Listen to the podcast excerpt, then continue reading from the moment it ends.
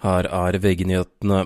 Nederlands avtroppende statsminister Mark Rutte vil være en sterk og god erstatter for Jens Stoltenberg som ny generalsekretær i Nato. Det sier utenriksminister Espen Barth Eide til TV 2.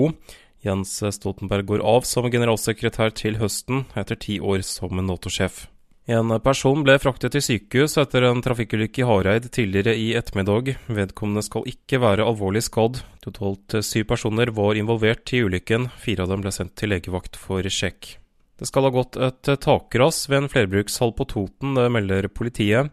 De undersøker nå om noen personer er tatt. Raset er rundt 100 meter langt, ifølge politiet. Olje fra lasteskipet Rubymar har spredt seg over et nesten tre mil langt område i Rødehavet. Utslippet fra lasteskipet skyldes at det ble truffet i et Houthi-angrep for en uke siden. Det amerikanske militæret mener det også er fare for at deler av lasten havner i vannet, og kaller situasjonen en miljøkatastrofe. Til slutt tar vi igjen med at minst 92 palestinere skal være drept på Gazastripen det siste døgnet.